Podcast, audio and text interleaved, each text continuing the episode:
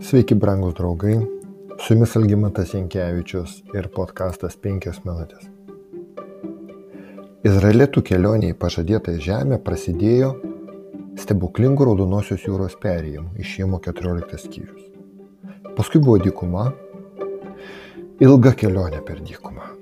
40 metų trukusios kelionės pabaigoje Izraelitus nuo jų paveldo Kanano žemės atskiria dar vieną vandens užtvarą, jeigu taip galima pasakyti - Jordano upė, kuri tuo metu buvo a, tokioje būsenoje, kuri vadinama pavasario potvinis.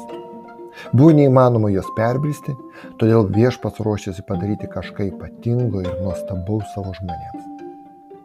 Dieną prieš nuplanuotą perėjimą per Jordaną, Jozue arba Ješuje paskelbė žmonėms, pašventinkite save, nes rytoj viešpats darys tarp jūsų nuostabius darbus. Kiti vertimai sako stebuklus. Jozuės trečias skyrius.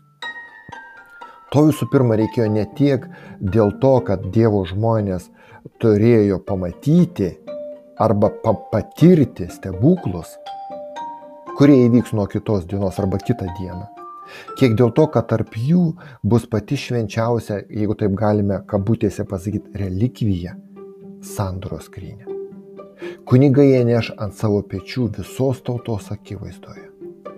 Tačiame tame pačiame skyriuje skaitome, o kunigams Jozoje palėpė, paimkite sandoros skrynį ir pereikite į priekį pirmą žmonių. Tad jie paėmė sandoros skrynį ir nuėjo į priekį pirmą žmonių.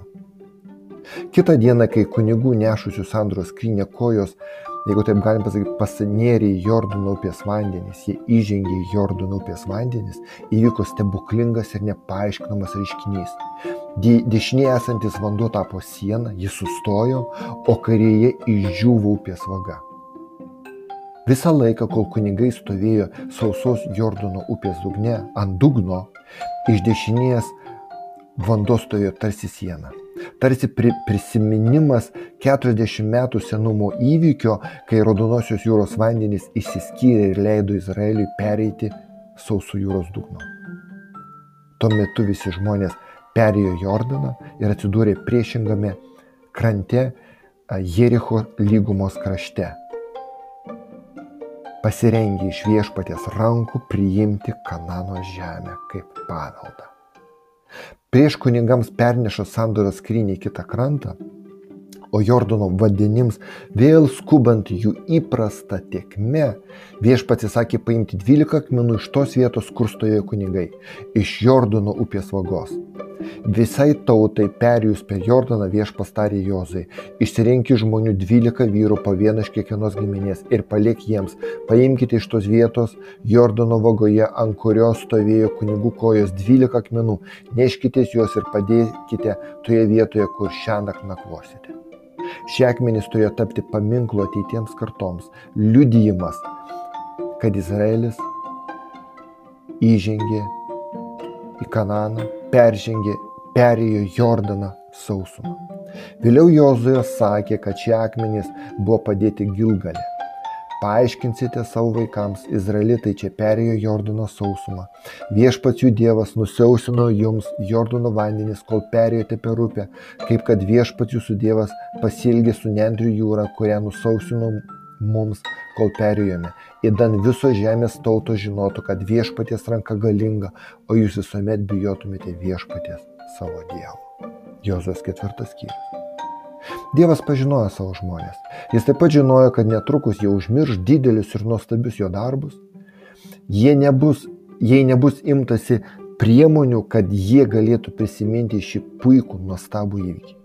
Ateities kartoms nebuvo galima leisti pamiršti Dievo globos ir vadovavimo, nes jis juos vedė.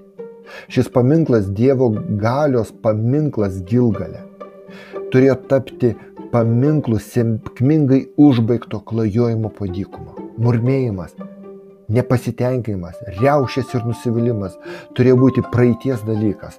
Užbaigta. Dabar viskas nauja. Žodžiai apie bijojimą viešpaties yra nukreipti ne tik į Izraelį, bet ir visas žemės tautas. Dievo planas buvo, kad jos santykiai su Izraeliu būtų objektyvi, tinkama pamoka visai žmonijai. Izraelio žmonės rinko kabutėse žinias apie tikrąjį Dievą ir jo išgelbėjimo jėgą. Šios žinios turėjo būti paskleistos žemėje, tinkamai ugdant visų pirma izraelitų vaikus, kurie savo ruoštų turėjo tapti kabutėse misionieriais. Augant Izraelio dydžiui ir įtakai, visa žemė netrukus turėjo sužinoti apie tikrąjį Dievą ir atiduoti jam šlovę. Bet Izraelis buvo nugalėtas, jam nepasisekė ir to padaryti jam nepavyko. Todėl vėliau Kristus davė tą patį pavedimą savo mokiniams. Mato 28 skyriuje yra parašyta. Jėzus pasakė, padarykite mano mokiniais visų tautų žmonės, eikite.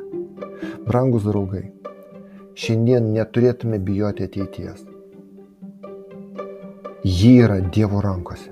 Mes turėtume bijoti pamiršti kelią, kurio mus Dievas vedė, kurio viešpats mus veda ir jo mokymą, kurį jis kviečia priimti, laikytis savo gyvenimas. Su jumis buvo penkios minutės ir Algymantas Jankievičius.